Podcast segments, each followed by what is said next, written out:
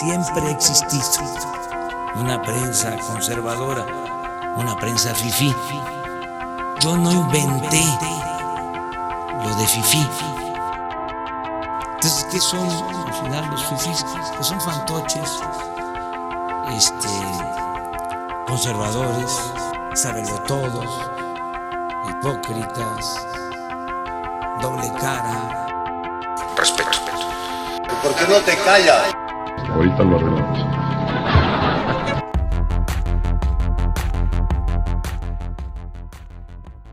Buenas tardes, buenas noches, bienvenidos a su podcast Soda Histeria. Nuevamente muchas gracias por, por acompañarnos como siempre en este su programa favorito del mundo hispano, hispanoamericano principalmente.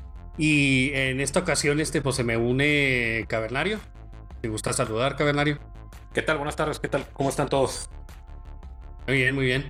Eh, también tenemos a, Raúl. Eh, pues se gusta hacer este saludar a Raúl. Hola, hola a todos. Aquí andamos. También tenemos a, ahorita nuestro escritor estrella en, en Mundo Republiqueto. Chequen su último artículo, el de si el nacionalsocialismo era, era un movimiento cristiano. Está muy interesante ese artículo. Está un, poco extenso, pero bastante bueno. Este, pues bienvenido, Taipire. Saludos, saludos desde San zona tropical de Bolivia. Como siempre, como siempre. Este, y pues también aquí tenemos a nuestro invitado especial, es un economista de, Bolivia. Este, y pues nos viene a contar, eh, este, pues digamos, otro. Otro lado de, la moneda, lo que está sucediendo ahí, este señor Bravo, este, pues bienvenido. Buenas noches, estimados eh, oyentes. Es un gusto compartir con ustedes en esta noche que vamos a hablar de economía, vamos a hablar un poco de política y de lo que se viene, ¿no? Para, nuestro, para nuestros países. Excelente. Ok, perfecto. Este, pues no sé eh, con, con quién quiera, con qué tema quiera empezar, señor Bravo, con el que usted quiera. No sé si, eh, creo que nos, nos podría ayudar mucho, señor Bravo, si nos diera una introducción de cómo era la economía antes de que llegara Evo Morales, porque la verdad yo desconozco, supongo que había actividad minera, no sé si qué tanto de agrícola, pero desconozco yo en lo personal y creo que comparte, comparte el resto del grupo. O sea, un, antes, durante y después. Claro que sí, podemos empezar con, el tema de, la economía. Bueno, Bolivia generalmente es un país que se caracteriza por ser eh, minero, ¿no? Tiene la economía de, los minerales, tiene un sector agrícola que es netamente soyero, ¿ya?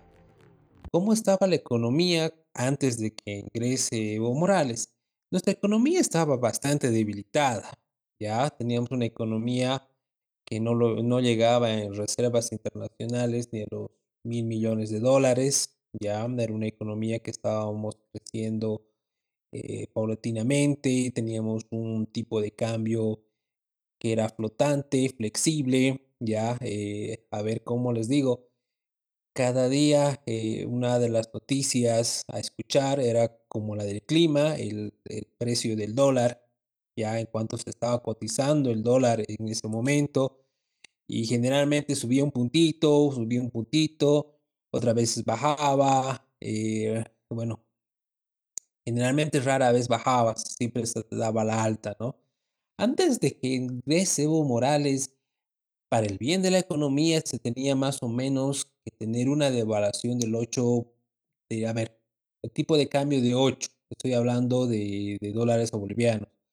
Eh, actualmente el tipo de cambio en Bolivia es 6.69, no, 6.96, perdón.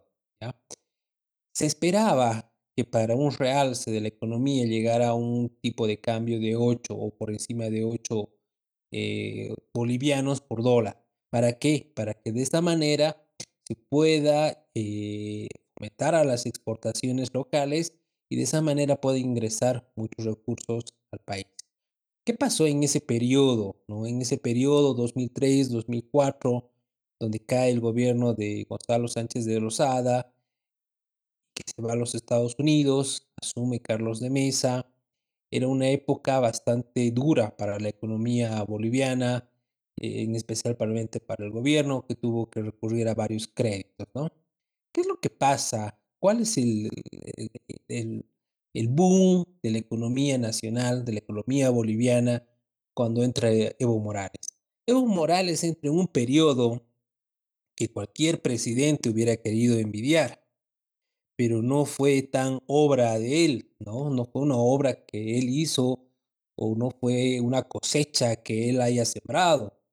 Tuvo la gran suerte de que gobiernos anteriores, por el tema de la condonación de la deuda, el tema del jubileo 2000, ya que se, se venía manejando para beneficio de países en vías de desarrollo como el nuestro y muchos otros más de, de Hispanoamérica, ya tenía, eh, tenían un proceso de por, el, por los 2000 años del nacimiento de Jesucristo, en homenaje a eso, hacer una condonación a los países pobres. Eso se llamaba parte del jubileo. Esta parte del jubileo favoreció al gobierno de Evo Morales, que entró a una, a una economía con un perdonazo de la deuda externa. ¿ya?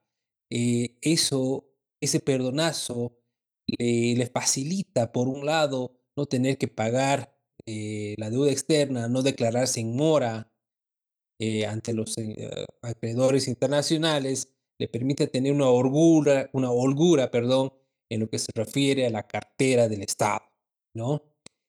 Esa es una de las ventajas con las que cuenta Evo Morales. Y la otra ventaja que viene a ser la fundamental, la clave, ¿no? Es el hecho de que las reservas, eh, eh, las reservas, como les dije, ¿no? Las reservas estaban por debajo de los mil millones de dólares. El pico más alto al que llega el gobierno de Evo Morales eh, es a 15 mil 123 mil millones de dólares, ¿no? O sea, 15 veces más de lo que se estaba esperando, ¿no? La ventaja es que eh, ustedes saben que la economía mundial a través de China empezó a demandar muchos productos, ¿no? China empezaba a construir fábricas, el mundo empezaba a construir muchas cosas, entonces el precio de nuestras materias primas sube como nunca, ¿no? O sea, están arriba los precios de las materias primas, los commodities que tiene Bolivia en el mercado internacional tienen precios bastante altos. Eso permite que el Estado boliviano pueda capitalizarse, pueda eh, obtener recursos. Y esos recursos que se han tenido ya adicionalmente al, a la condonación y adicionalmente al tema de una economía subterránea, que es la economía del narcotráfico, hacen que Bolivia viva un periodo de bonanza por alrededor de unos seis años, ¿no?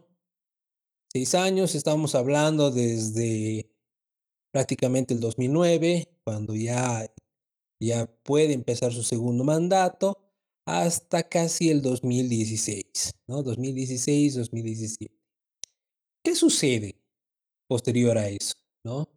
Los precios de las materias primas empiezan a bajar, el, el Estado no obtiene ya los recursos que ellos tenían, pero ya se había acostumbrado el pueblo boliviano, el Estado boliviano, a tener un nivel de gasto, un nivel de, eh, de bonanza, un nivel en el cual eh, el Estado eh, y las entidades estatales podían darse ciertos lujos.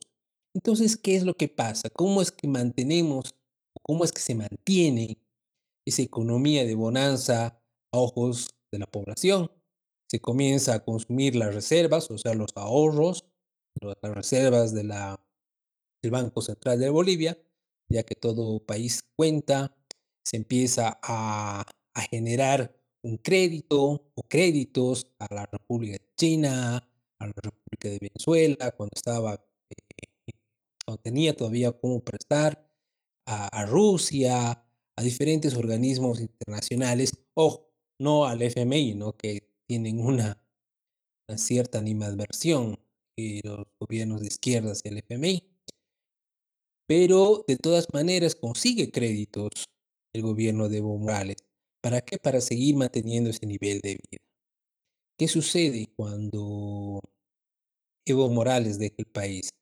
esos créditos ya no pueden ser eh, sostenibles en el tiempo, estabas gastando las joyas de la abuela, estabas ganando, gastando los ahorros, estabas ganando una deuda, y es ahí donde se va Evo Morales, ¿no?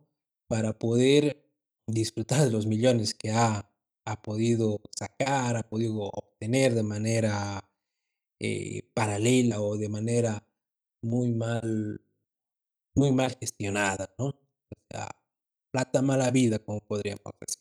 El periodo, que es bastante corto, eh, estamos hablando de casi medio año, medio semestre en economía, es un periodo bastante especial, ¿no? Porque ustedes saben, eh, el año pasado, en noviembre ya se tuvo la renuncia, entramos a enero y ya se vino el tema de, de la pandemia, ¿no?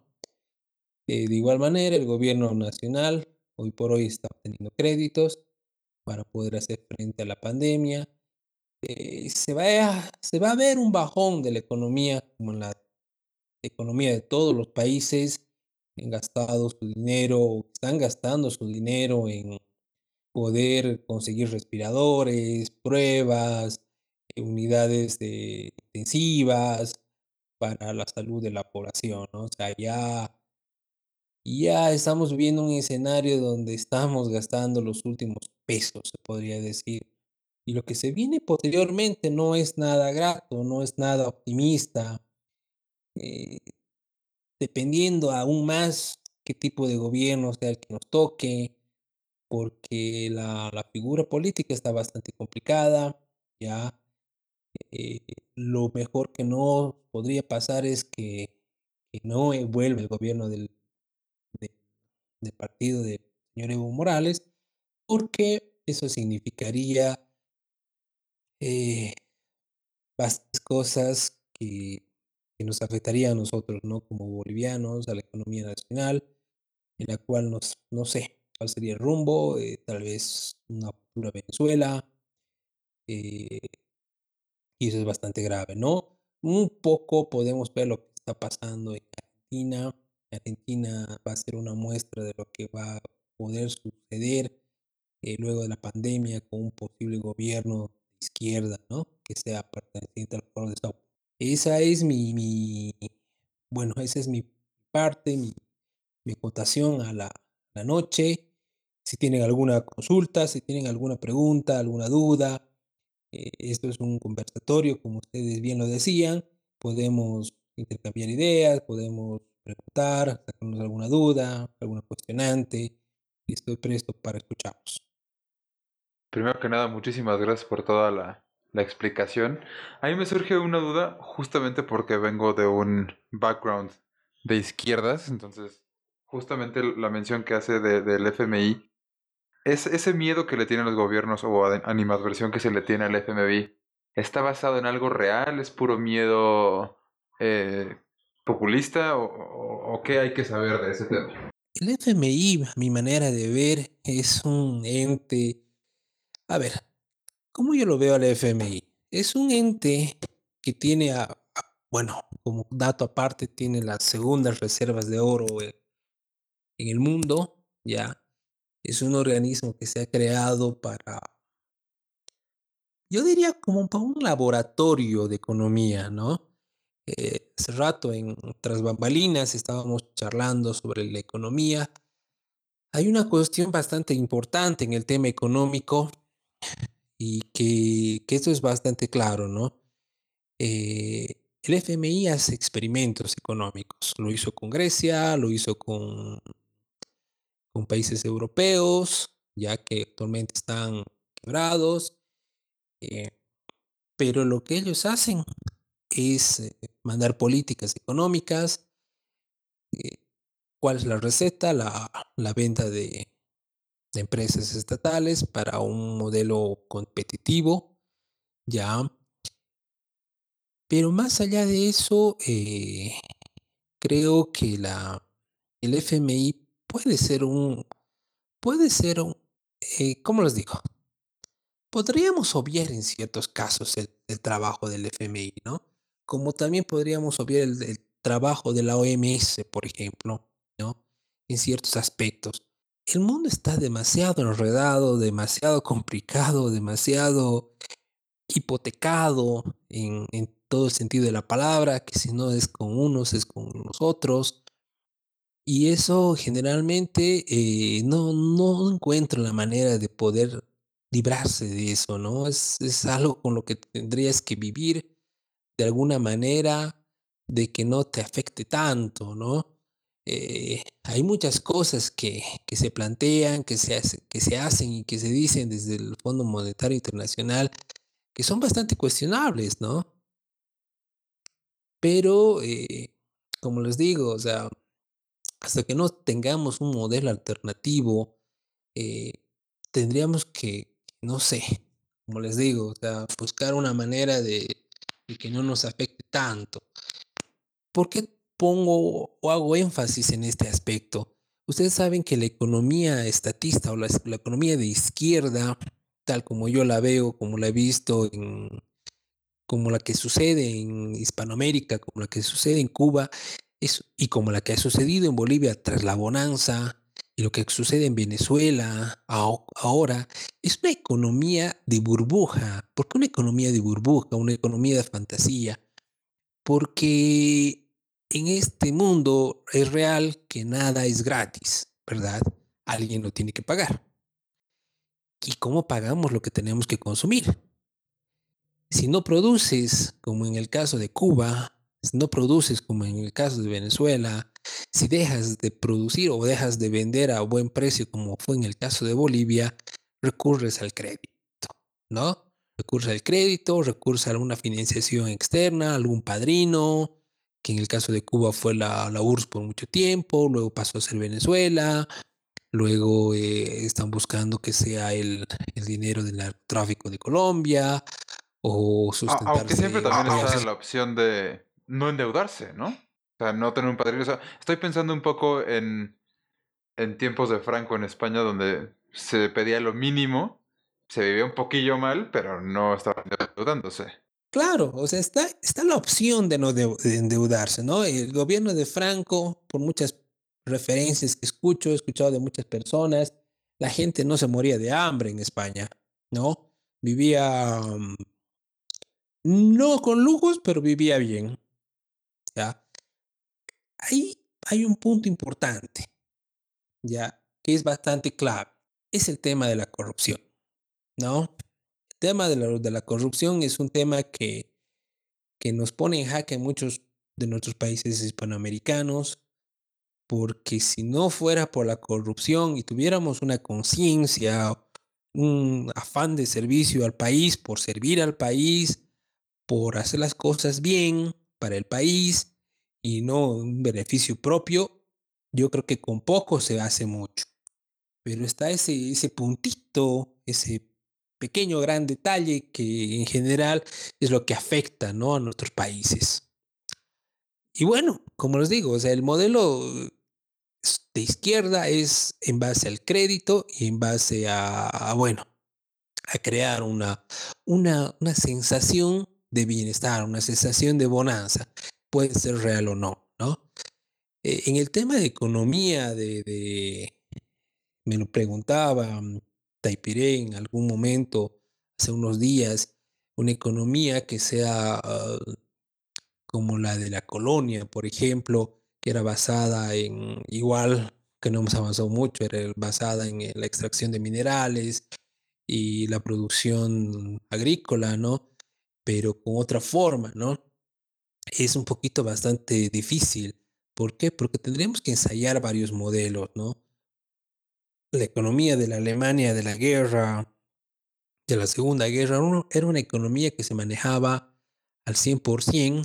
¿Por qué? Porque estabas en un proceso bélico en el cual ocupabas toda la mano de obra eh, disponible a la población económicamente activa, que eran los varones entre 17 y 18 años hasta los puedan dar, 35, 36, que era la, la mejor edad para trabajar, pero eso los tenías en la guerra, a los mayores los tenías en las fábricas y a las mujeres también las tenías en las fábricas o haciendo algún otro trabajo, ¿no? Era una economía en la que de pleno empleo, ¿no? Eso se llama la economía de pleno empleo, cuando vos tienes a todos tus factores productivos trabajando al 100%, ¿no? Eso sucede en la economía de guerra.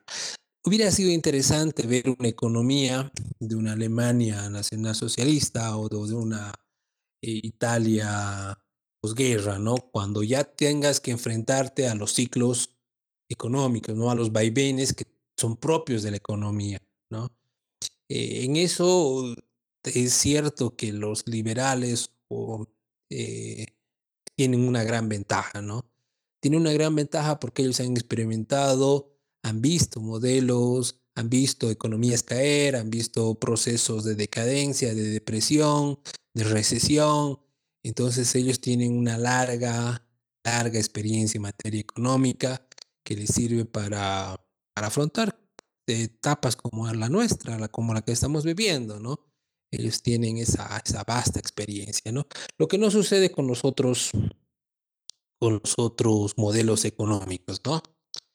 Falta esa experiencia, falta ese, ese devenir de las economías que se achiquen, que entren en depresión y solucionarlas con, con políticas propias, ¿no? Creo que un país que, un país que, que tiene ese modelo de 100% de empleo sería China, ¿no?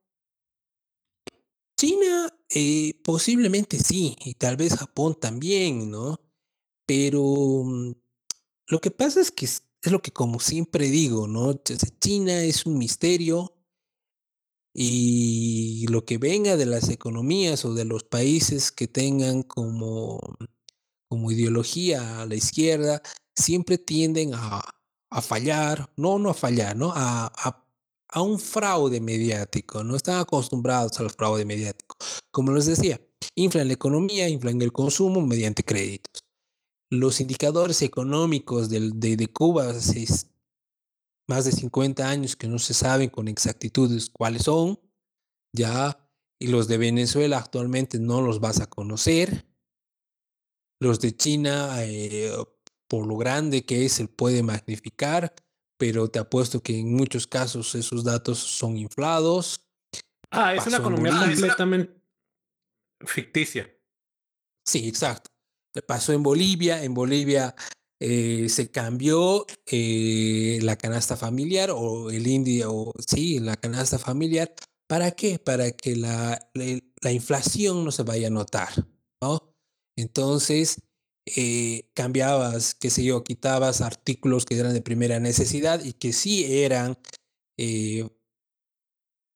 artículos que significaban variables que te podían mover la inflación, los, los quitaban de, de la canasta familiar y ponían otros que no, no, no, iban a subir, no iban a sufrir ningún tipo de fluctuación y mostrabas indicadores que tenías una, una, una economía con una inflación controlada, ¿no? Es lo que sus, generalmente suelen hacer las economías de izquierda, eh, tergiversan o maquillan en, en términos contables el, las estadísticas, las, los, eh, qué sé yo, las tasas de crecimiento, las tasas de pobreza, siempre se tiende a ocultar ciertas cosas. No le daría mucho crédito a la economía china. Yo creo que está sobredimensionada en, muchos aspectos, ya como también se le había eh, sobredimensionado a la obra de Evo Morales, que hace rato eh, les comenté cuáles eran los dos factores principales para que se dé ese, ese boom o ese milagro económico de lo que ellos se jactan, ¿no? Bueno, Con y toda Japón, certeza. Japón. Japón. Bueno, Japón no es una economía de izquierda, es una economía bastante, bastante interesante en ciertos aspectos. El, el, el crash asiático de los 2008 ha sido bastante contagioso para el resto del país. En Japón se tenía, se tenía una economía en la cual se basaba, eh, eh, era como, como, qué sé yo, a ver, te, te pongo un ejemplo. Uh, me vas a entender tú que estás allá en México, en el, el, compadrerío que también acá existe en Bolivia, ¿no? Pero en Japón era por, por eso, por, por apellidos, por, por dinastías, muchas de, la- de las economías de las empresas fueron manejadas por la mafia, que fue solventada por el mismo Estado, que les daban créditos a las, a las empresas para poder instalarse, para poder crecer. Entonces muchos de ellos eh, pudieron crear grandes imperios, pero a la hora de la hora no, no pagaron, ¿no? Y eso fue una de las causas del crash eh, económico japonés. Es una economía que tiene muchos aspectos bastante peculiares, ya, pero que ahora está ingresando a, una a un modelo económico un poco más occidental, más americano, que, que bueno, ellos también, ellos tienen una diferente forma de ver las cosas, el mundo, y bueno, como todos los ciclos económicos, por eso les digo, como toda economía, sufre altas y bajas, ¿no? Y hay que saber buscar la receta, la medicina para ese tipo de cosas. Sí, que lo interesante de Japón es que cayó su economía y nunca se levantó. Digo, porque nunca volvieron otra vez al, nivel que tenían en los ochentas, que fue el auge de Japón en el finales de los ochentas. Jamás volvieron a tener ese nivel, pero sin embargo, a pesar de eso, sigue si- y que nunca se levantarán probablemente a ese nivel. Pues llevan bien su país. O sea, no creo que nadie se pueda quejar de que el japonés vive mal. A lo mejor no, ciertamente es una. Es una vida pesada para la gente que vive en las ciudades, sobre todo, y. eh, pero pues, tienen un buen nivel económico y han sabido manejar su sistema. Claro que, como usted dice, las, las empresas que son principalmente le pertenecen a, descendientes, ya no existirán los nobles, pero les pertenecen a los descendientes de los samuráis y de los demás nobles que existían en el Japón imperial. Eh, todos los directivos son de ese tipo de familias. Entonces, la, la, ahora ya no son nobles, pero son los hombres más ricos de Japón. Así es, eh, esa es la economía en la que se basan los japoneses. Bueno, la economía japonesa, como les digo, tiene bastantes particularidades, ¿no? Con las que se puede estar o no puede estar de acuerdo. El modo de vida, la exigencia que ellos tienen, la forma de, de asumir el, el mundo, es muy, muy diferente a, no- a la nuestra, ¿no? Sí, ellos son japoneses, no son hispanos. Exacto, exacto. ¿Alguna otra consulta, alguna otra duda, Sí, que- comentario? Adelante, adelante. Mire, le quería preguntar también, eh, en, tienen de vecinos Argentina. Y Argentina acaban de volver, al, volver a, a poner a, a Kirchner al poder. Digo, es vicepresidenta, creo.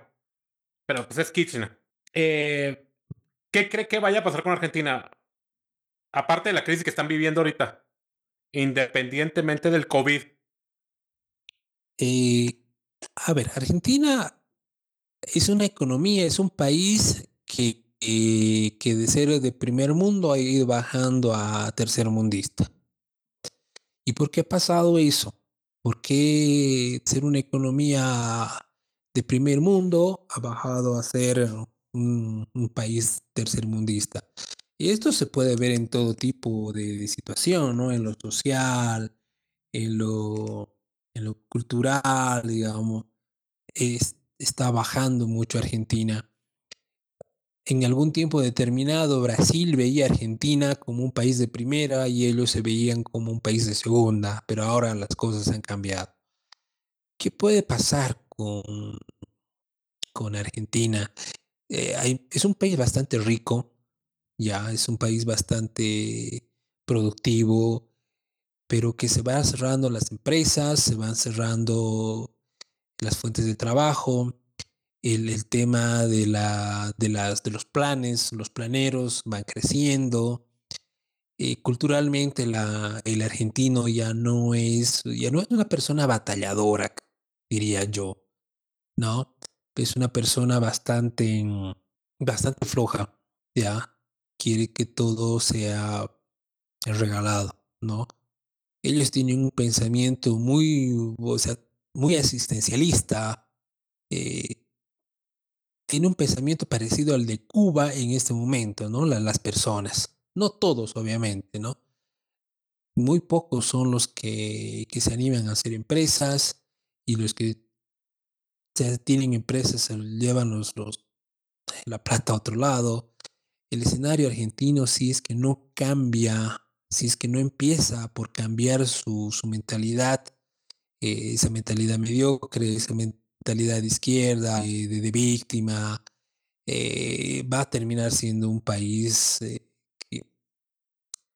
que, no va a poder levantar cabeza por lo menos en mucho tiempo. Y es una pena porque Argentina tiene muchos pensadores, tanto en el, aspecto económico, en el aspecto literario, tiene muchas, muchas cualidades, es un país riquísimo, pero se ha ido empobreciendo mentalmente, culturalmente y espiritualmente, ¿no? El espíritu del, del, del argentino es muy pobre en este momento, ¿no? Es asado, cumbia, birra, que cerveza y para de contar. Tienes esas tres cosas y bueno, mate, tienes esas cuatro cosas y, y, puedes, puedes vivir tranquilo. No te interesa nada más. Bueno, y, aparte el fútbol, ¿no? Es, tienes esas cinco cosas y no te interesa nada más, ¿no? Pero eh, sociológic, sociológicamente Argentina está muy, muy golpeada. Y ustedes saben que, que, que, los, que la fuente de todo engrandecimiento nacional es por el espíritu que puedan tener sus ciudadanos, ¿no? Es ahí donde estamos fallando como, como países, ¿no? Eh, estamos viviendo un periodo bastante especial que me alegro este, que este periodo que lo estamos viviendo porque es un renacer de los nacionalismos, de las identidades nacionales y que busca fortalecer el país porque se viene muy, muy, muy, muy debajo, ¿no? Se fue muy, de manera, como les digo, de manera muy relajada. Eh, me imagino que lo mismo pasa allá en México y bueno, en otros lugares también donde el espíritu nacional ha ido decayendo, ya. Y nos han ganado los, los espíritus liberales, los espíritus marxistas, que, que, bueno, los únicos no quieren, eh, los unos no quieren Estado, los otros no quieren iglesia, y al final todos tienden a un anarquismo, ¿no? O sea, eh, bueno, sea de izquierda de derecha, pero quieren un anarquismo. Eh, hay un punto fundamental en esto. Lo podemos venir a acotar que pasa en Argentina y pasa en muchos otros países, ¿no? Es el caudillismo. Y el caudillismo, eh, como veníamos hablando de, de, la Revolución Francesa, ha pegado mucho en nuestros días, en nuestra forma de gobierno. Ellos tuvieron un caudillo como posterior, ¿no? Como fue Napoleón, que les dio la grandeza mediática por un buen tiempo a, a Francia de conquistar casi toda Europa. Pero ese caudillismo que se ve todavía en nuestros, en nuestros países, ¿no? lejos de la figura de, de, de, los, de los, entre comillas, libertadores, eh, Bolívar, San Martín, pero el, el, hispanoamericano siempre busca un caudillo, busca un líder que nos, que nos salve de todo, ¿no? Y en Argentina se ve tanto eso en política como, como en el fútbol, ¿no? Quieren un 10, quieren un Maradona, quieren, qué sé yo, un Perón, quieren un San Martín que les ponga todo en bandeja de plata, ¿no? Esa es la, esa es la, la desventaja que tenemos todavía nosotros como, como, como sociedades, ¿no? Estamos bien caudillizadas y cuando falta el caudillo, lamentablemente se viene todo abajo porque no hay una estructura que la pueda seguir manteniendo. Y lo mismo pasó en Bolivia, cuando Evo Morales fue, eh, todo el mundo eh, pensaba que eso se acababa y no se acaba. Porque si vivimos mucho tiempo sin Evo Morales, no vamos a dejar de vivir con Evo Morales, más bien él es el que quiere volver porque sabe que no puede vivir sin, sin la plata del Estado, ¿no? Eh, ese, ese factor del caudillismo es lo que afecta también mucho a la economía y a la sociedad argentina, la boliviana, a, me imagino que la mexicana y a cualquier otra sociedad hispanoamericana. Lo que sucede ahora con, con Bukele, que a mí, bueno, no es una persona que yo la pueda admirar o lo pueda tener de referencia, pero es, es una prueba, ¿no? Es una muestra más de, de la, del caudillismo a lo, que busca siempre el, el hispanoamericano. Perdón, ¿ella, ¿ella es quien entró en lugar de Evo Morales? ¿Perdón? ¿A, a la que menciona ahorita? ¿Es quien entró en lugar de Evo Morales o quién es? Eh, Bukele es de El Salvador, si no me equivoco. Eh, quien entró en lugar de Evo Morales es Janine Áñez, ¿no? Una, una ciudadana de, del Beni, que es arriba de donde vive Taipire, que es, una, es un departamento bastante grande, bastante rico también, ya, pero bastante pobre en muchos sentidos, ¿no? Es, es una, es, como les digo, es tamaño de Uruguay, con muchas características similares, pero sin Montevideo, ¿no? Es un poco más, más, más selva el, tema de, del Beni, ¿no? Es un lugar Es bastante más una zona amazónica. Exacto. Es bien parecida a Santa Cruz. Es solo que tiene un poco más de desarrollo en cierto sentido. Áñez es como la segunda presidenta, creo, es del Beni, pues de Germán Bush. Aunque hay una discusión revisionista respecto a eso. Normalmente se dice que Bush nació en Santa Cruz. Nuevas versiones indican que nació en el Carmen del Iten, Beni, departamento del Beni, al noreste. el noreste boliviano, ¿no? Eh, ¿Tienen alguna otra consulta, alguna inquietud adicional? Sí, claro, claro.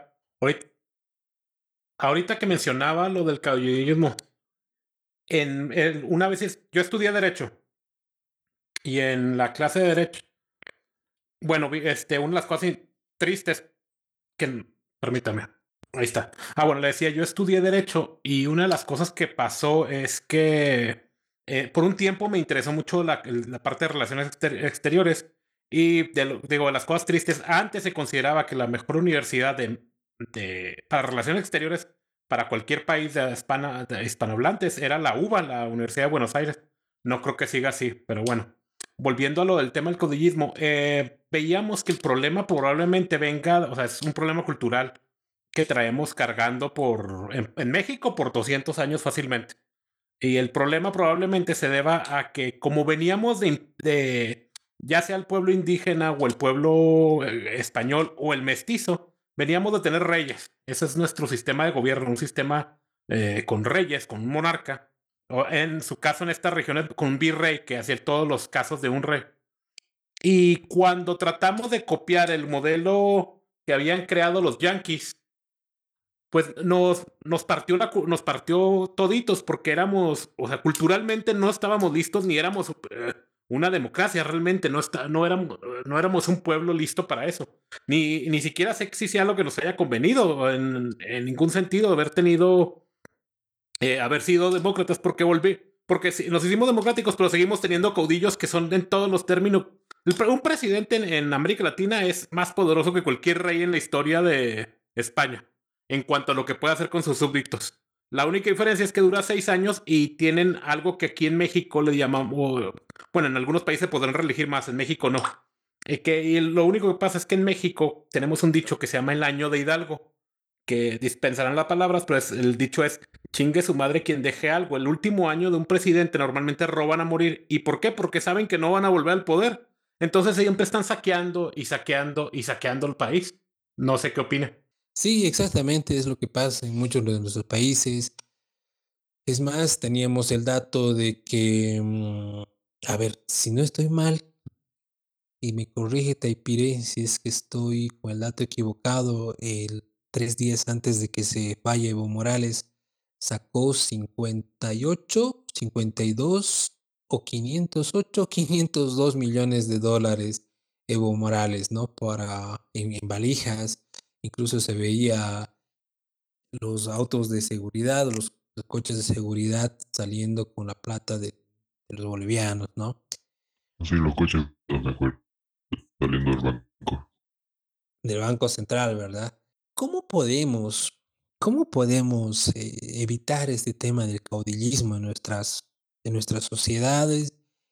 Yo creo que es con un tema de, de, de reeducación, ¿no? De, de volver a, a pensar de que no va a haber nadie que nos vaya a salvar, ya que no va a haber una, una, una- un, un líder mesiánico que nos pueda, nos pueda ayudar, sino es un trabajo conjunto de, toda, de todos nosotros, ¿no? Educando a nuestros hijos desde pequeños, ¿no? Eh, hay una, una cuestión bastante interesante que, que, que, alguna vez la dijo Kennedy, ¿no? El presidente John F. Kennedy decía, no te preguntes lo que tu país puede hacer por vos, sino pregúntate qué puedes hacer vos por tu país. Y eso es algo que nosotros deberíamos empezar a, a formar, ¿no? ¿Qué, ¿Qué, podemos hacer nosotros por el país? Y no, no esperar como, como, como gente de izquierda que el que, es me va a hacer el país, ¿no? O sea, poco más el país tiene que ponerte eh, la cuchara de comida en la boca. Esa sería la cuestión eh, para empezar a eliminar los caudillismos. Hablar de una economía. A ver, ¿cuál sería otro punto que se me viene a la mente? Eh, yo discrepo así con, completamente de, las personas que, y seguramente lo ha debido pasar en México, que tratan de comparar nuestros países hispanoamericanos con los nórdicos, ¿no? O sea, muchas veces he escuchado el comentario de que en Suecia están haciendo de esta manera, y les está yendo bien, que la, la, educación en Finlandia es de otra manera y que, les, y que les va muy bien, que no es por acá, que aquí no es así, ¿verdad? Y yo les digo, y no se dan cuenta que nosotros eh, acá en Bolivia tenemos gente del Alto, gente de, de, de Chapare, gente que, que, es problemática, que no, no contempla eso de, de poder trabajar o poder colaborar como una sociedad para el engrandecimiento de la misma. Eh, y bueno, y eso es, siglos y siglos de educación, porque no te olvides que los, los, nórdicos en algún momento también fueron bárbaros, en algún momento también tuvieron sus, diferencias entre, clanes, entre, entre, tribus, no me acuerdo ahorita el nombre que les daban los vikingos a sus, a sus clanes, pero son momentos de evolución, ¿no? Son momentos de evolución cultural hacia algo. Ellos tenían un norte, tienen su identidad y la siguen conservando. Lo que pasa en muchos de nuestros países, y me imagino que también lo pasa en México, que están los del norte, que están los del sur, que están los de la costa del Pacífico, que están los de la costa del, Atlántico, que están los del centro, que generalmente deben ser muy, muy, muy, muy variados en, en cuestión a cultura, igual que aquí en Bolivia, pero también debe estar el tema de sus, me imagino, no, no, no conozco México, debe estar el tema de sus, de las etnias propias que, que, que hay en cada uno de esos sectores, no sé si es que hay rivalidades, eh, eh, no, no desconozco, pero acá en Bolivia sí, sí hay ese tipo de cosas. Y eso hace que el sentimiento nacional se venga abajo, ¿no? Si bien es cierto, y alguna vez estamos hablando con, Taipire, que los procesos independentistas han sido bastante negativos para nuestros países y que lo ideal sería un tema de monarquía.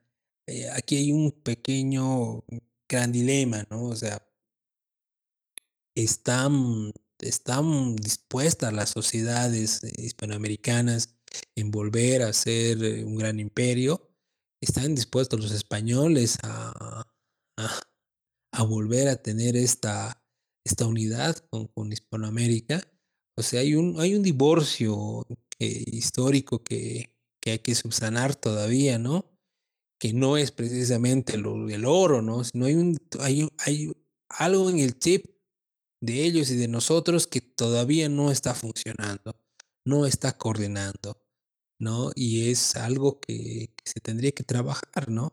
Eh, por lo que veo en las, en las, noticias, en las noticias que, que, que, siempre salen una por, una por si acaso, veo que hay más, más opciones a que España y Portugal se junte como una sola nación, a que nosotros volvamos a ser un imperio.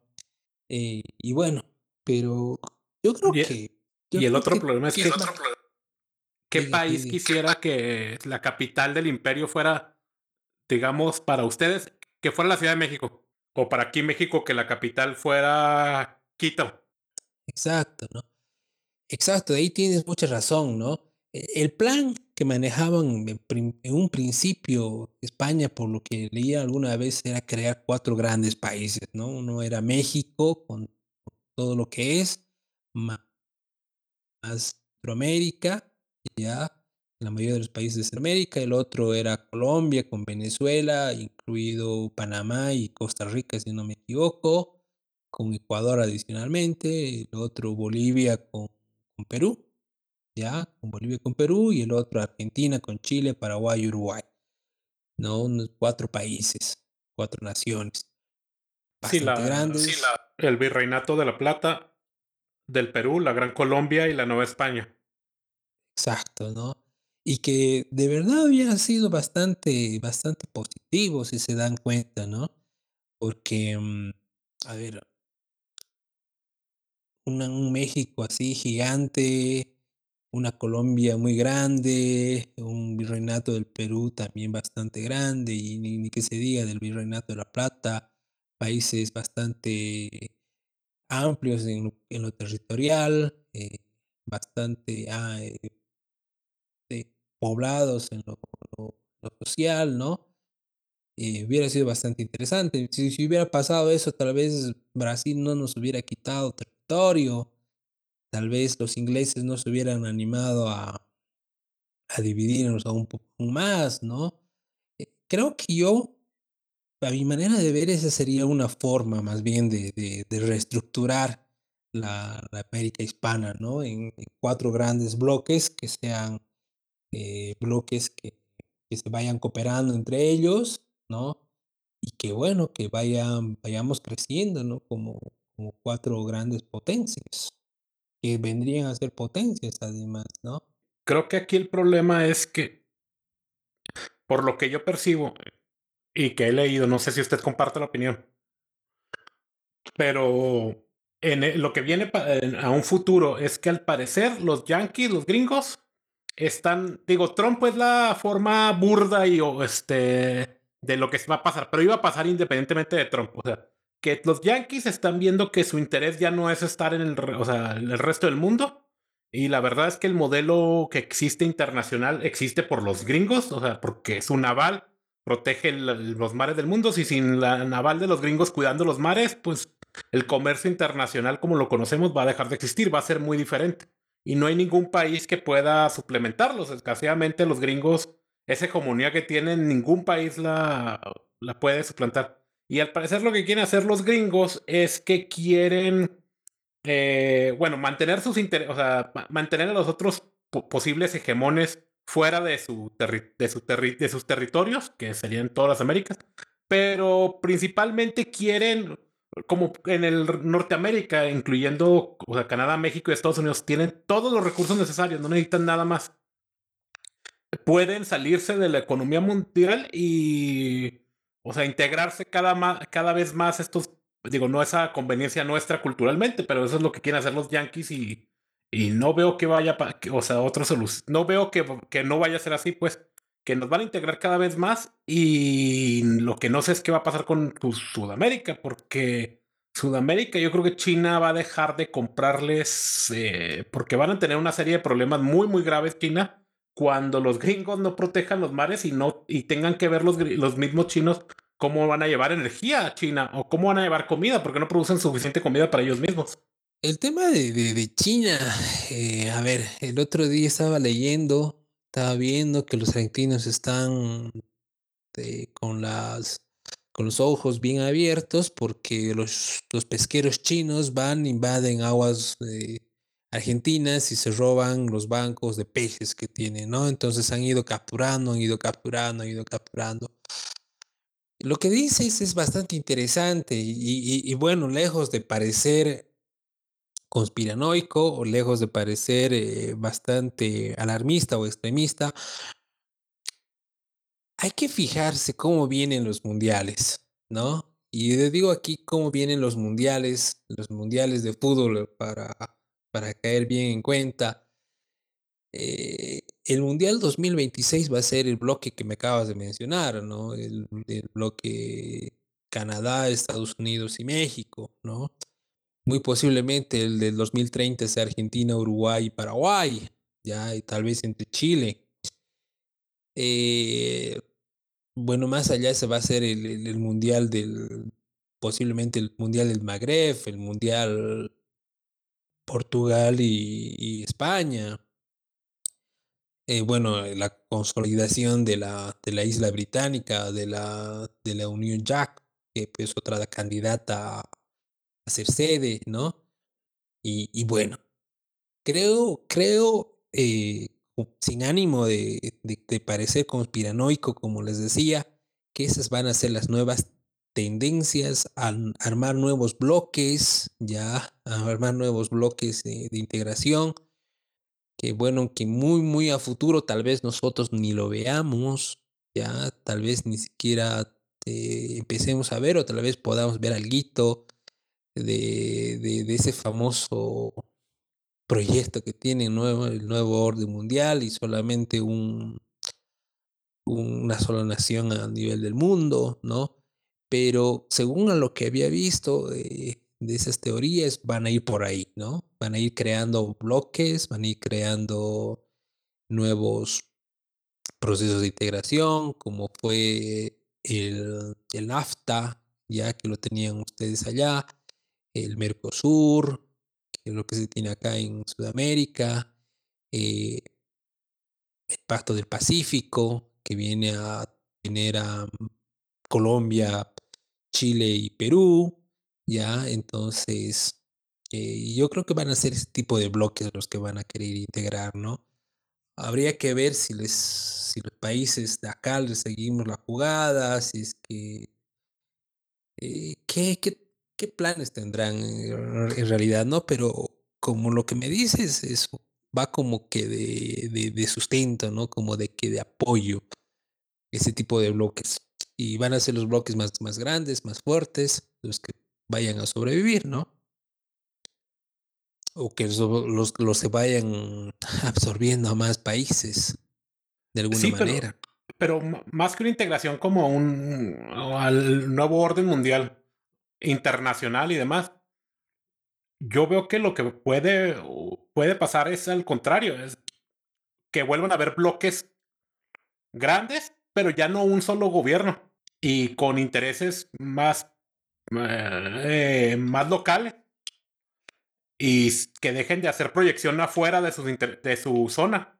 Ah, todo está abierto, no se puede, no se puede descartar nada, ¿no?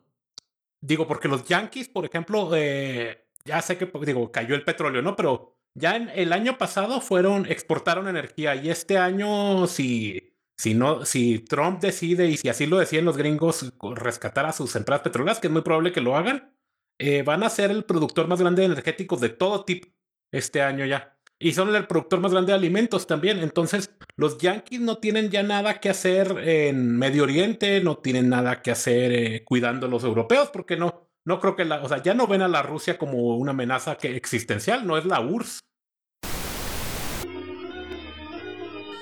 We will now have a short intermission.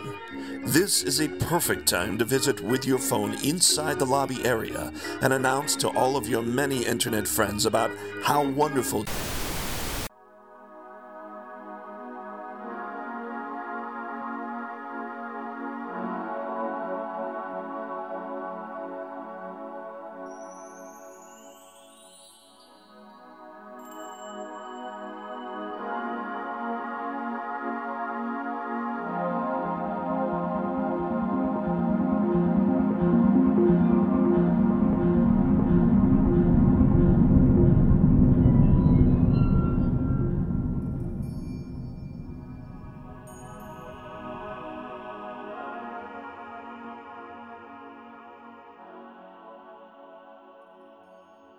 aspecto, en el aspecto petrolero, eh, tengo todavía mis dudas, ¿no? A menos que encuentren una, nueva y buena eh, fuente de suministración de petróleo, lo veo un poco difícil. ¿Por qué se da en este momento la crisis del petróleo, la bajada del petróleo?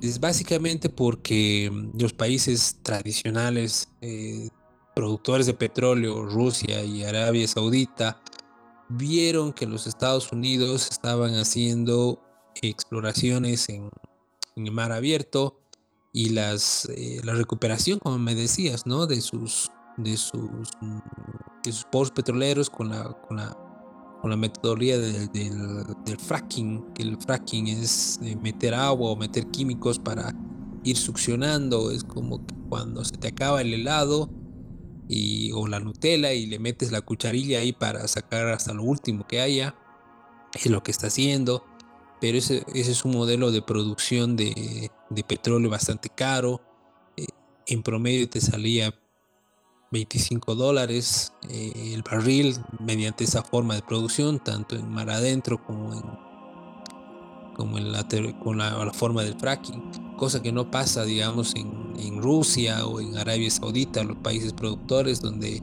escarbas un poco y encuentras petróleo, donde la, el costo de producción del barril de petróleo son 3 dólares, 2 o 3 o hasta 4 dólares, es bastante barato. Es ahí donde quieren hacer caer el, mercado del petróleo. Bueno, es ahí donde dar, se da la baja del, del mercado del petróleo en desmedro de, de, de Estados Unidos, ¿no? Seguramente que, que, hoy por hoy Estados Unidos produce un, petróleo deficitario. Había la noticia de que antes ibas y te, te, regalaban un barril de petróleo y eso era porque los costos de almacenaje superaban eh, incluso los, los, costos de comercialización del petróleo. Es por eso que se daba la baja, ¿no? Eh, en ese aspecto no, no, no, no, coincido mucho contigo, a menos que encuentren una fuente, una o varias fuentes de petróleo que sean bastante interesantes. Eh, no va a pasar eso. Bueno, pero incluyendo, digamos, Canadá también, que sí, no es, es un petróleo mucho más caro que el de, que, que el de Arabia, pero le sale más barato que estar cuidando Arabia. Claro, pero bueno, como les digo, esa es la cuestión en, la, en el tema de petróleo y veremos a futuro qué sucede, ¿no? ¿Qué, qué es lo que pasa? Si es que realmente la, los mundiales nos van a ir marcando algo en lo que va a ir pasando.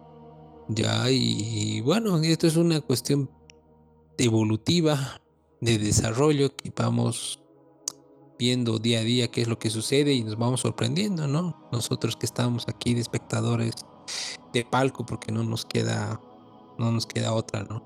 Por el momento. Sí, que, y el problema de que yo veo que va a tener eh, todo Sudamérica es que no van a tener a los o sea, si, pasa esto, ¿no? Digamos que pasa eso, que China, es, es posible que China vaya a tener una crisis, porque la verdad es que China es el país con más apalancamiento en todo sentido en su economía, o sea, tienen un mundo de deuda interna y que nunca la van a pagar, o sea, jamás se va a pagar porque lo han hecho para mantener empleo, no para sacar beneficio económico.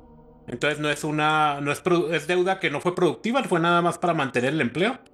Y en el momento que el sistema se desestabilice, que los gringos decidan ponerles poquito un embargo marítimo de petróleo, qué sé yo, si siguen las guerras comerciales como siguen. O así una guerra de cinética, una guerra simplemente comercial un poquito más extensa, pues China no va a dejar, va a dejar de comprarle productos de materia prima a, América del Sur, yo creo, en general. Entonces, eh, y los gringos no necesitan mucho de esa materia prima porque la tienen en, en su territorio o la tienen mucho más cercana con Canadá y con México a los lados. Entonces va a ser interesante ver qué hacen con América del Sur, sin contar Venezuela, ¿no? Porque Venezuela yo creo que simplemente va a caer en, la peor, en una crisis aún peor de la que está y van a llegar a niveles quizás de África, de, de, de desastre económico y, y de comida, porque no están produciendo comida. Exacto, pero a ver, tanto Japón como Estados Unidos han propuesto, eh, superada esto, lo, lo, de la pandemia, les va a dar incentivos a sus empresas a salir de China. ¿Qué va a pasar? Que las economías eh, desarrolladas van a financiar a sus empresas a que salgan de la dependencia de China y vuelvan a sus países o se ubiquen en otros países. ¿Ya? Eh, por lo general, por lo que veo y por la tendencia, tal vez se, se ubiquen en otro país de Asia, ¿no? Muy probablemente no en, en América del Sur, ¿no? En América Hispana, eh, para producir las, las, las variantes o las, qué sé yo, eh, lo que necesiten producir previamente, ¿no? Para, para sus grandes empresas. Se va a venir, como bien lo decía, es un proceso de, mm, de mayor crecimiento industrial en, los bloques bastante grandes. Ya eh, China ya va a dejar de ser la, la proveedora de, de insumos, ya, y por ende va a dejar de ser la compradora de materias primas, que, que es lo que con lo que producía, ¿no? ¿Cuál tiene que ser la, la, la visión de nuestros países y de nuestras economías? Eh, Dejar de consumir productos manufacturados en China, ya, producirlos acá, que, bueno, en general lo que nosotros compramos y lo que viene a nuestros países, por ejemplo, o por lo menos en la parte de aquí de Bolivia es eh, en cuestión de juguetes y demás cuestiones de muy mala calidad, ya es una producción china de tercera, ya, y que bien se la podría producir acá, ¿no? Eh, y bueno, dejar de, de tener esa dependencia comercial con China y empezar a buscar otros mercados, ¿no? Que los van a existir, que se van a crear, que posiblemente ya no sea China, puede ser otro país, ya que, que crezca con esa demanda de, de bienes eh, o bueno, de materias primas, va a haber, ¿no? Entonces, eh, nuestros países, a ver, cosas como que la carne o ciertas mm, productos agrícolas tal vez sí sufran un, un, un bastante, un deterioro bastante complicado, ¿no? Como ya, ya lo ha advertido China a Australia que ya no le iba a comprar los vinos, que ya no le iba a comprar carne, ¿ya? Pero ahí tienes a Argentina que, que, que iba a vender carne, ¿ya? Y que iba que bueno, mira, si los chinos fueran realmente unos tipos que, que quisieran consumir las cosas que producen el resto hacia plenitud, podrían haber estado comprando carne argentina, carne boliviana, paraguaya, eh, uruguaya, quizás eh, prohibir que, que vayan a consumir animales silvestres y fomentar más este tipo de consumo, ¿ya? Cosa que creo que no, no le interesaba a China, ¿no? Y eso hubiera sido bastante beneficioso para nosotros, ¿no? Como países productores de, de ese tipo de materias primas. Pero de que va a existir mercado, va a existir mercado para nuestros productos. No será China, va a ser otro, como, como lo decía hace rato, pero van a existir. ¿No? Las cosas no se van a dejar de producir porque China está embargada. Y bueno, lo que hay que tener cuidado es que, ante un colapso de la economía china, un colapso de una de la sociedad, puede ser que los chinos empiecen a emigrar, puede ser que los chinos empiecen a buscar otros países, y eso es algo que nosotros como, como países de Hispanoamérica tenemos que estar bastante alerta porque nos está costando, y digo que nos está costando, porque creo que todo, Raúl PRB. porque creo que todos estamos con la misma con la misma temática de construir una identidad eh, en principio nacional, ¿no? Y, y que nos vengan unos chinos más que nos, que nos tergiversen todo, que, que, que nos, que nos pateen el tablero, va a ser volver a comenzar desde, desde muy atrás, ¿no? Sí, Sí, este, sería nefastísimo. Eh, este, yo la, la pregunta que tengo es este con respecto a, a India. O sea, ahorita estamos viendo de que este con respecto a con respecto a la India, puede ser este un país, este, ahorita no existe la, la infraestructura porque tiene muchos problemas estructurales la India, especial- especialmente con el, con el norte del país, que está muy empobrecido, pero este, pues en cuestión de población, de recursos naturales y, de sus puertos y todo eso, este, pues puede llegar a, sustituir, este, y ya en, cierto grado ha estado sustituyendo a, China en ciertos aspectos, este, y luego también este con lo que es este la, la migración, este, yo en particular lo que he visto en, en, en mi zona, este, donde vivo, es de que estamos viendo, como es una zona este, minera, hemos estado viendo que viene gente de China, este, que ya lleva pues décadas aquí, este, y también hindús, este, últimamente. que han estado buscando comprar eh, o establecer minas en, en nuestra región. Eh, lo que está pasando con esto es de que eh, no, no las han podido abrir, este, pues porque, pues no sé, no, no, no, no han llegado al, al, al precio que ellos, que ellos buscan. Este, ah, eh, oh, oh, hace que, ah, ok, no, no. Eh, o sea, lo, lo, que ha pasado con la India es de que no, o, o sea, mandan a su gente para, para tratar de establecerse, pero pues no le han atinado el precio, a lo mejor este para, para poner una mina aquí, este, pero, o sea, yo, la, mi pregunta es, este, ¿qué va a pasar con India? O sea, si este es un factor a, a, a nivel este, internacional, económico, o simplemente no tiene las posibilidades de, de, de, surgir como un sustituto de China. China es, digo, perdón, la India, al igual que China, es parte de los BRICS, ¿no? De los países, eh, de los nuevos países que van a ser potencias, son los nuevos países ricos en los cuales se encuentra Brasil, India, China, Rusia y Sudáfrica, ¿no? El fenómeno de los, de los hindúes puede ser que, que sea similar al, al fenómeno chino, ¿no?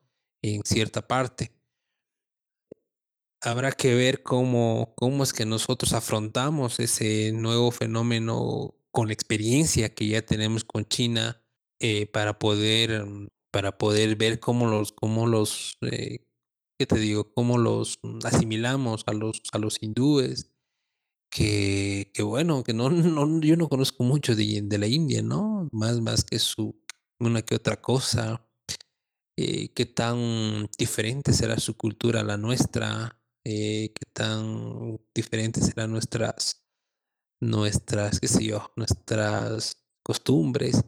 Pero aquí hay una acotación, ¿no? Si ustedes lo pueden ver, el fenómeno de asimilación del hindú en nuestra cultura, en la cultura occidental, es mucho más fuerte que de la China. Ustedes ven las, las series, por ejemplo, norteamericanas, desde Los Simpson hasta The Big Bang Theory, pasando por otros, por otros, otras series de televisión, siempre hay un hindú, ¿no? Entonces es como que ya no los están, eh, como no sé qué tiene un término en México, pero ya no los están eh, añadiendo, digamos, ya no nos lo están enchufando, como decimos. ¿Cómo, cómo? Enjaretando. Ya es eso, ¿no? Ya no los está metiendo en la sopa a los, a los hindúes. Y, y, bueno, o sea, es, es momento de que nosotros como hispanoamericanos, digamos, ya pues, ¿qué pasa? ¿Qué pasa con, con, con, con nosotros, no? Que, que primero fueron los norteamericanos, que, que fueron los, eh, que luego fueron los chinos, y ahora vienen los hindúes, y luego quiénes vendrán, ¿no? O sea, y nosotros ahí callados y sin saber qué hacer y qué decir.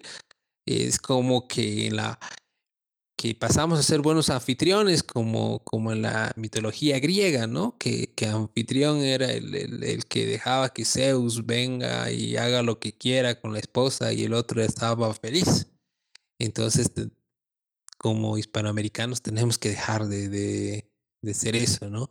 Y generalmente los hispanoamericanos siempre tendemos a algo, ¿no? Somos bastante reacios con el, con el de al lado, con el vecino, con el que se nos parece, pero generalmente somos muy, muy atentos con el, con el diferente, ¿no? Con el chino, con el hindú, con el gringo, con el ruso. Mientras tenga plata.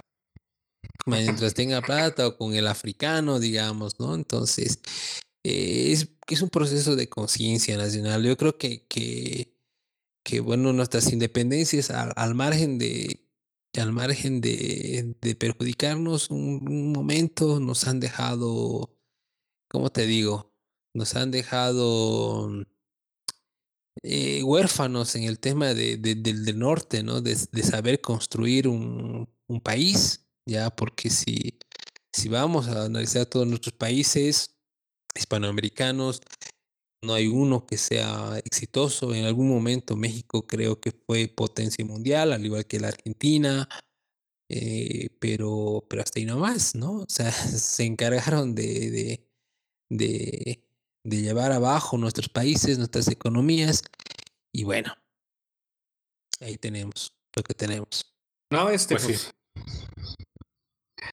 Pues no sé si tengan más dudas, hay que preguntarle aquí al señor Bravo. No, no de mi parte. Taipiré, algún comentario, alguna alusión, vos que, que vives eh, acá en Bolivia, tienes la, el panorama desde otra región del país, eh, no sé. Eh, Sí, mira, esta cuestión coronavirus me pone a pensar respecto a la situación social.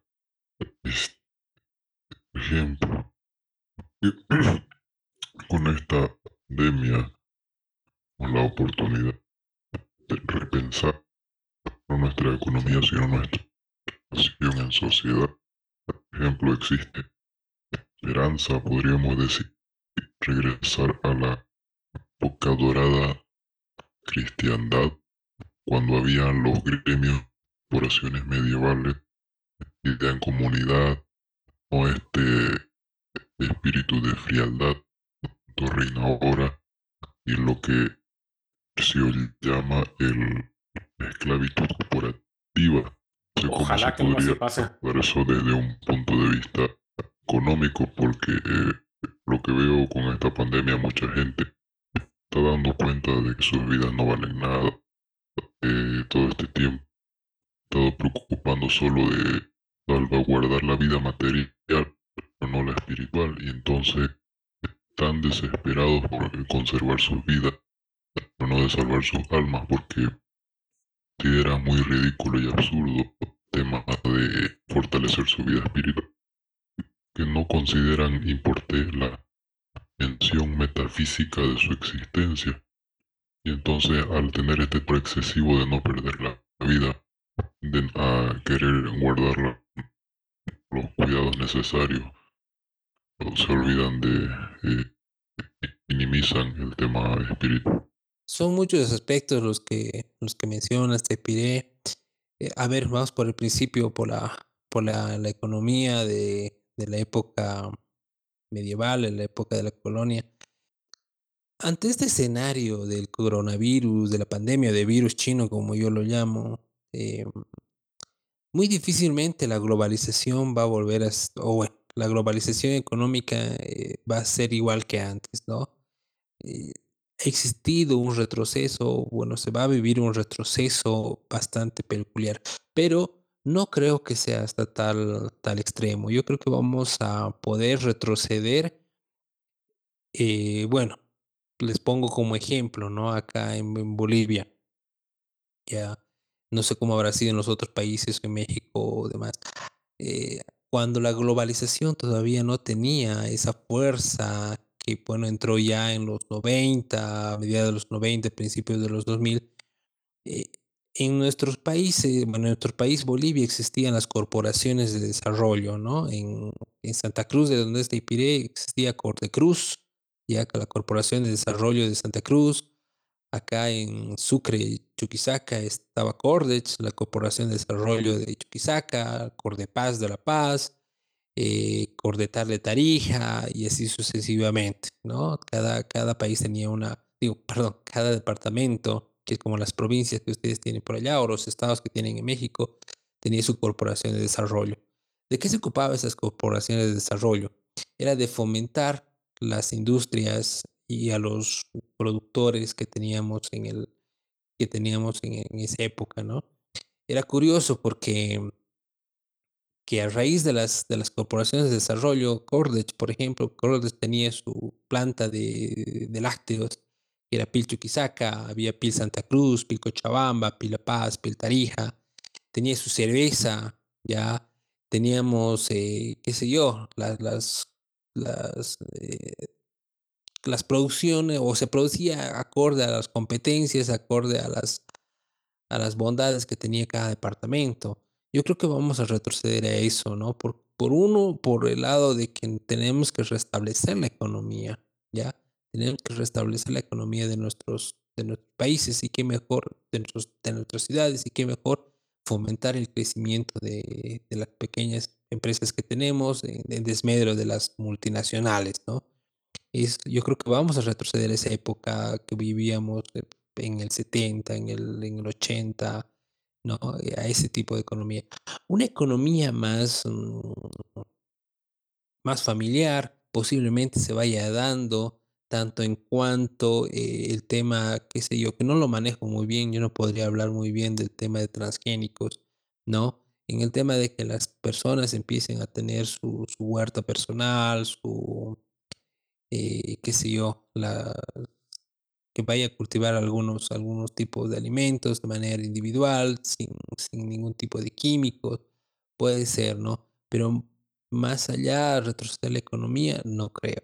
Ahora, por el otro punto del, del tema de, de, la salvación, de la cuestión espiritual, eh, el proceso que vamos a ingresar, eh, y esto hay que estar muy, muy, muy, muy atentos, muy alertas, el proceso que vamos a ingresar post, post eh, coronavirus va a ser un, un, proceso bastante complicado. ¿Por qué digo bastante complicado? Porque desde ya la gente está bastante temerosa. Tiene miedo. A la gente se le ha infundido miedo, ¿no? Por el tema de, de poder contagiarse, del, poder, del tema de poder morir. Y, y, con las noticias que hay en, el, en los medios, como dice Taipiré, que, la gente ve que su vida no vale nada. Entonces estos procesos eh, de, de, depresión personales, de crisis existenciales, sumada a un proceso de crisis económica, de falta de empleo, de falta de oportunidades, de, escasez de bienes, de falta de, falta de liquidez eh, monetaria, va a ser bastante complicado. Eh, veo, veo que, que, va a haber a futuro tanto asalariados, independientes, empresarios, que, que va a decidir por, por, por, quitarse la vida, ¿no?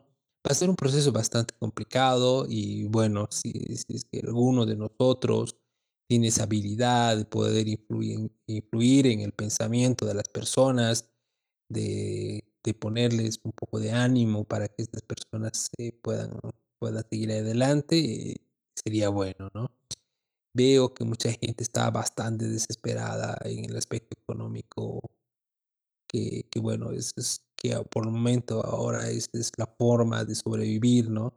Y en, el, y en el aspecto espiritual también veo muchas personas que están muy, muy como les digo, muy espirituales en mucho sentido, porque están buscando una fuente de, una, de salvación, una fuente de respuesta, pero no muchos van a llegar a eso, o no muchos van a poder lograr sentir esa, esa, ese calor, esa luz que, que, que nos proporciona ¿no? cuando somos creyentes, esa luz de esperanza, esa, esa fortaleza. No muchos van a poder llegar a eso y van a tener que van a tener que derivar en otras cuestiones, ¿no? Eh, eso sería en cuanto a lo que, lo que comenta Taipiré. No sé si, si ha faltado algo más o necesitas que mencione algo más, eh, Taipiré. Bueno, sí, con eso está interesante. Que hay otra cuestión, sí. Mm, por ejemplo, cómo, cómo ejercer una de disidencia reacción o contrarrevolución, como le queramos llamar a nuestra posición, desde el punto de vista económico. Por ejemplo, muchas personas críticas con áreas de marketing o otro tipo de empleo que, que implican como que hacer dinero a costa de la falsedad o de cuestiones relativas no practicar virtudes, ¿no? Las que lleven a no necesariamente el, pecado, pero sí a lo contrario a la virtud que es el vicio y el perpetuar el sistema mismo. Este ese tipo de cuestiones, ¿no? El de la, la pregunta cómo, cómo ejercer una posición al sistema sin caer lo conspiranoico tampoco favoreciendo el sistema que todo le hace a los valores tradicionales de la humanidad. Bajo ese aspecto es yo lo veo bastante bastante simple. ¿Y por qué lo veo bastante simple? Bastante simple en su aplicación. en los resultados puede ser que nos vaya a costar un buen tiempo. Eh, me comentaban que el anterior eh, conversatorio que tuvieron mediante este medio hablaron mucho sobre el tema de, Gramsci, ¿verdad? Y Gramsci eh, hace una, mm, abre el campo para una revolución cultural, ¿no? Eh, pensando, maquineando cómo podríamos darle la contra a eso, es utilizar lo mismo que ellos han hecho, pero con nuestras, con nuestra ideología, ¿no? O sea, ellos van en contra de la iglesia, bueno, hay que meter la iglesia, van en contra de la familia, hay que meter la familia, eh, ellos van en contra de los valores que nosotros creemos, hay que ser muy mucho en ese énfasis, ¿no? Entonces, ¿cómo es que hay que tratar este punto de este, este tipo de cosas, ¿no? Eh, la cuestión es que nosotros tendremos que armar nuestros grupos, eh, ya sea por grupos como este o grupos por el Face, por, por WhatsApp, donde vayamos integrando un montón de cosas ideas, eh, consignas, que poco a poco las podamos ir poniendo en práctica, ¿no? Ahora, por el tema, tema, tema económico, lo que pasa es que, que en este sentido, en este sentido, y en este, bueno, en esta parte, tal vez suene un poquito más machista, ¿no? En este sentido, hay que recuperar el hecho de que, bueno, una familia tradicional como la que concebíamos antes era el, el padre trabajaba, la madre cuidaba a los hijos, eh, y es así como se desarrollaba la vida, ¿no? Eh, el padre era el proveedor y la, la madre era la que daba sustento y la educación a los niños, ¿no? ¿Qué ha pasado con, con, con todo esto de, la, de, una revolución, una nueva ola, una nueva ola de, de liberación femenina? Eh, muchos, muchas mujeres eh, que, bueno, han ido ocupando puestos de trabajo que, se les ha ido mermando a los varones. Entonces tienes a familias que, que, bueno, la madre no en casa, tampoco está el padre, entonces los hijos se van criando de manera que nadie los controla, ¿no? Eh, ese tipo de, de, de, consignas, pequeñas consignas tendremos que volver a introducir, no obviamente no, no de frente porque nos vamos a ganar muchos, muchos enemigos. Las mujeres en este siglo, eh, como ellas dicen, están bastante empoderadas, ¿no? Pero habría que ir... O desordenadas. Entonces, ¿no? Entonces habría que ir por esa por esa contra de poder decir, bueno, ¿saben qué? La, la sociedad se está yendo al, al, bombo, se está yendo al abismo y tenemos que recuperarla. ¿Y cómo la recuperamos? De la misma manera que la hemos ido perdiendo, ¿no? O sea, yendo para atrás, ¿no? Y eso es, y eso es un proceso largo, como les digo, es un proceso en el que, que hay que empezar la concientización de las personas, de hacer ver que las sociedades están mal, ¿no? Ya, entonces esa, esa es la manera, yo creo, de que, de que podamos contrarrestar eso, ¿no? No sé si es que alguien opina diferente o... o no, yo, compa yo, yo comparto la opinión. Sí, comparto la opinión y, y el, siempre que nos preguntamos ¿qué, ¿qué, hay que hacer? Ah, bueno, pues justo lo que usted acaba de decir, cada uno en su familia, cada uno con su contexto, ¿no? Claro, y, y lo que siempre, siempre digo, ¿no? A ver, y es una llamada de atención muchas veces. Muchas veces entre, los, entre bomberos nos, nos, pisamos la manguera, dice, ¿no? Acá en, en, Bolivia es como que entre nosotros nos ponemos las trabas, ¿no? Y tenemos que evitar algo, y tenemos que evitar algo que, que por ejemplo, la, la derecha no la sufre, que la izquierda la sufre y nosotros estamos empezando a sufrir. ¿A qué me refiero? Los de la derecha, los de la derecha pura, no se hacen, no se hace mucha competencia entre ellos, no se, no se van desperdigando, no se van fragmentando en, en diferentes tipos de posiciones, ¿no? En diferentes tipos de matices. Ellos son liberales, capitalistas y se acabó. Los de la izquierda tienes a marxistas, leninistas, maoístas, trotskistas, guevaristas eh, y sin fin de cosas, ¿verdad? ¿No? Y, por el otro lado tienes a los nacionalistas que se dividen en nacionalsocialistas, fascistas y te van creando más. Y ese es un proceso de, de fragmentación bastante peligroso, ¿no? Porque si, si vamos a empezar a construir o queremos construir algo, no tenemos que caer en, en esas, en esas sutilezas que nos pueden a la larga crear bastante problemas. Entonces, de la izquierda, cuando dejan de lado sus diferencias, te crean un foro de Sao Paulo, te crean un grupo de Puebla, te llegan al poder en Bolivia, eh, te llegan al poder en Venezuela, en Argentina, que te llegan al poder en México, cuando, cuando, cuando se dan cuenta que sus diferencias, sus matices no les hacen, no les, no les afecta la esencia, y es, y, es, y es ahí cuando ellos llegan, ¿no? Y eso es lo que nosotros tenemos que hacer, ¿no? O sea, tenemos que, portarnos como un solo bloque. Y bueno, y Taipiré y otro camarada siempre en las publicaciones que, le, que, que hacemos por los, las redes sociales, siempre comparten, le ponen el me gusta, le ponen el comentario. Y muchas veces entre nosotros somos bastante mezquinos y, y le decimos, ay, no, es que si le pongo el like, ¿qué va a decir? Si le pongo, si le comparto, va a decir que le robé la idea y, y bueno, ¿no?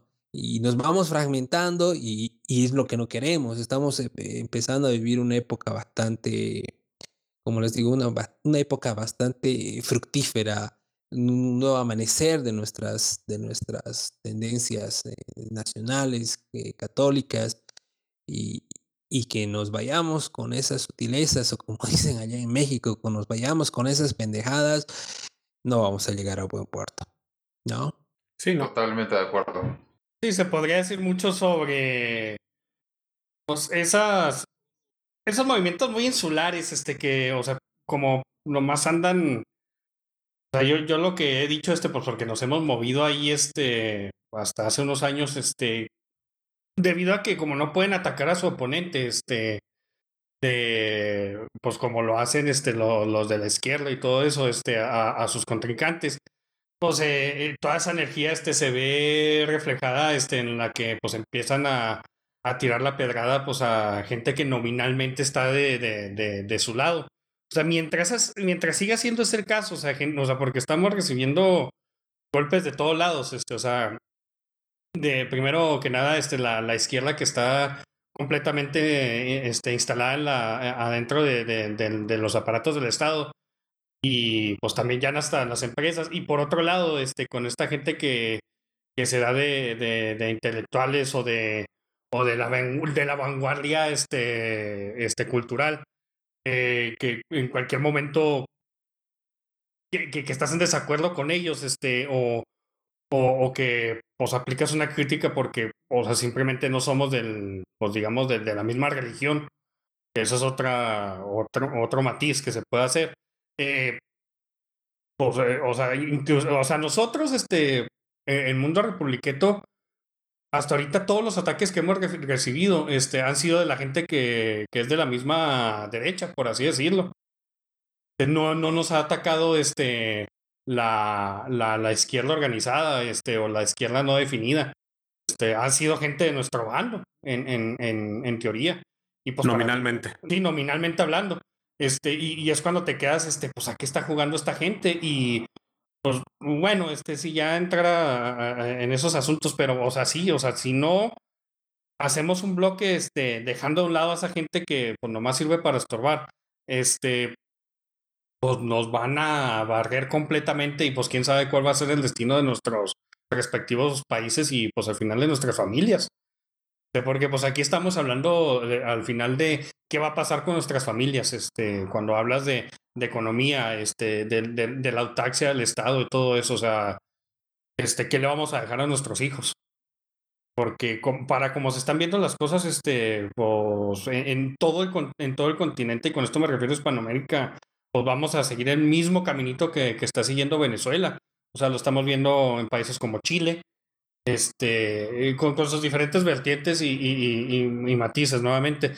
Este, pero en todos lados este, estamos viendo, la única excepción a esto probablemente ahorita sea Brasil y pues otro país ahí más pequeño que se me esté pasando, pero, o sea, México, este, pues ahorita está completamente en, en manos de, de, una persona que está siguiendo, bueno, de un partido, de, de un grupo de, oposición que agarró el poder y, está siguiendo completamente el, el, libro del, del chavismo. O sea, ¿qué va a ser el destino de nuestros países si, si esa es la alternativa ahorita? Como lo decías vos, nuestro, nuestro destino es ser Venezuela, ¿no? Tenemos que ponernos ahí fuertes para que no, no caigamos en eso. Y, y es ahora que, como les digo, tenemos un momento bastante dorado porque la gente ya no cree en la derecha, en la izquierda tampoco. Y es ahí donde podemos mostrarnos como una falange, ¿no? Eh, bueno, haciendo mención a lo que eran los griegos, algo bastante fuerte, ¿no? Que no nos vamos a desquebrajar, que tenemos la moral alta, que tenemos las convicciones claras, que tenemos las, eh, las ideas bastante, bastante definidas y que bueno, eh, tenemos un norte, un plan y una, una propuesta, ¿no? Diferente ante, ante todo, ¿no? Y que es, eh, y que crean en nuestro camino, ¿no? Pero como decimos, ¿no? Si vamos a, si entre nosotros nos vamos a ir pateando, la gente no va a creer en nosotros, ¿no? Y, y bueno, es hacer lo que hacemos nosotros con mayor fuerza, con mayor intensidad. A mí me ha pasado que mucha gente que, que yo publicaba y, y publico de cosas desde, mi, desde mis páginas sociales y al momento algunos me, me, me bloqueaban, me eliminaban, otros me criticaban, otros me reclamaban, pero conforme a lo que he seguido haciendo, he seguido poniendo, he seguido posteando y al final, bueno, muy aparte del orgullo que tiene cada persona de, a veces no querer darte la razón, pero vos veías sus opiniones, veías las, las cosas que comentaban o compartían y eran similares a las tuyas y cuando antes eran los que te criticaban, ¿verdad? Los que te ponían en el, paredón, en el, en el, sillón de los acusados. Y luego fueron ellos los que estaban ahí con la misma idea que, que, vos, tal vez no tan estudiada, no tan definida, pero estaban ahí. Y esa es la forma en que nosotros nos podemos ir dando cuenta de que estamos creciendo, de que nuestro, nuestra forma de pensar la estamos contagiando y que vamos por buen camino, ¿no? Y no tenemos que desfallecer, tenemos que seguir con, con lo, nuestro, porque una de los, uno de los defectos de los hispanoamericanos es que empezamos a conseguir algo y nos, nos vamos relajando, pensamos que ya lo hemos conseguido todo y, y, y bueno, antes de, de, subir al podio ya, ya, ya está todo deshecho, ¿no? Sí, pues, pues concretar las cosas, este y pues se me hace que pues ahorita pues es buen momento pues para, para ponerle aquí este un, un, un fin al, al, al, podcast. Este, la, la, verdad, este fue un gusto tenerlo aquí, este señor Bravo, este, y pues aquí dándonos todo su, su análisis y pues sus opiniones muy bien fundadas, este, con respecto a la economía no solo de, de nuestra región, sino del mundo. O sea, no, nos extendimos literalmente por todas partes. Este, lo cual se me hizo excelente. Este. Y pues también muchas gracias a nuestros panelistas este, por, por haber participado aquí y pues a Taipiré este, por, la, por haberlo traído aquí con nosotros y pues haber tenido el gusto de, de, de haber tenido esta tertulia con usted. El gusto ha sido mío. Eh, estoy para cuando ustedes quieran, para cuando me convoque Taipiré. Y bueno, es, es beneficioso eh, el poder hablar de este tipo de cosas porque bueno, en este proceso vamos aprendiendo todos de, todos y, y, bueno, ¿no? Para servirles y ha sido un gusto, ha sido una noche bastante productiva y, y bueno, que les vaya bien a todos ustedes. Muchas gracias. Muchísimas gracias por su tiempo. Gracias. Eh, bueno, con esto nos despedimos. Buenas noches. Eh, bueno, hasta Buenas la siguiente. Buena charla. Hasta luego.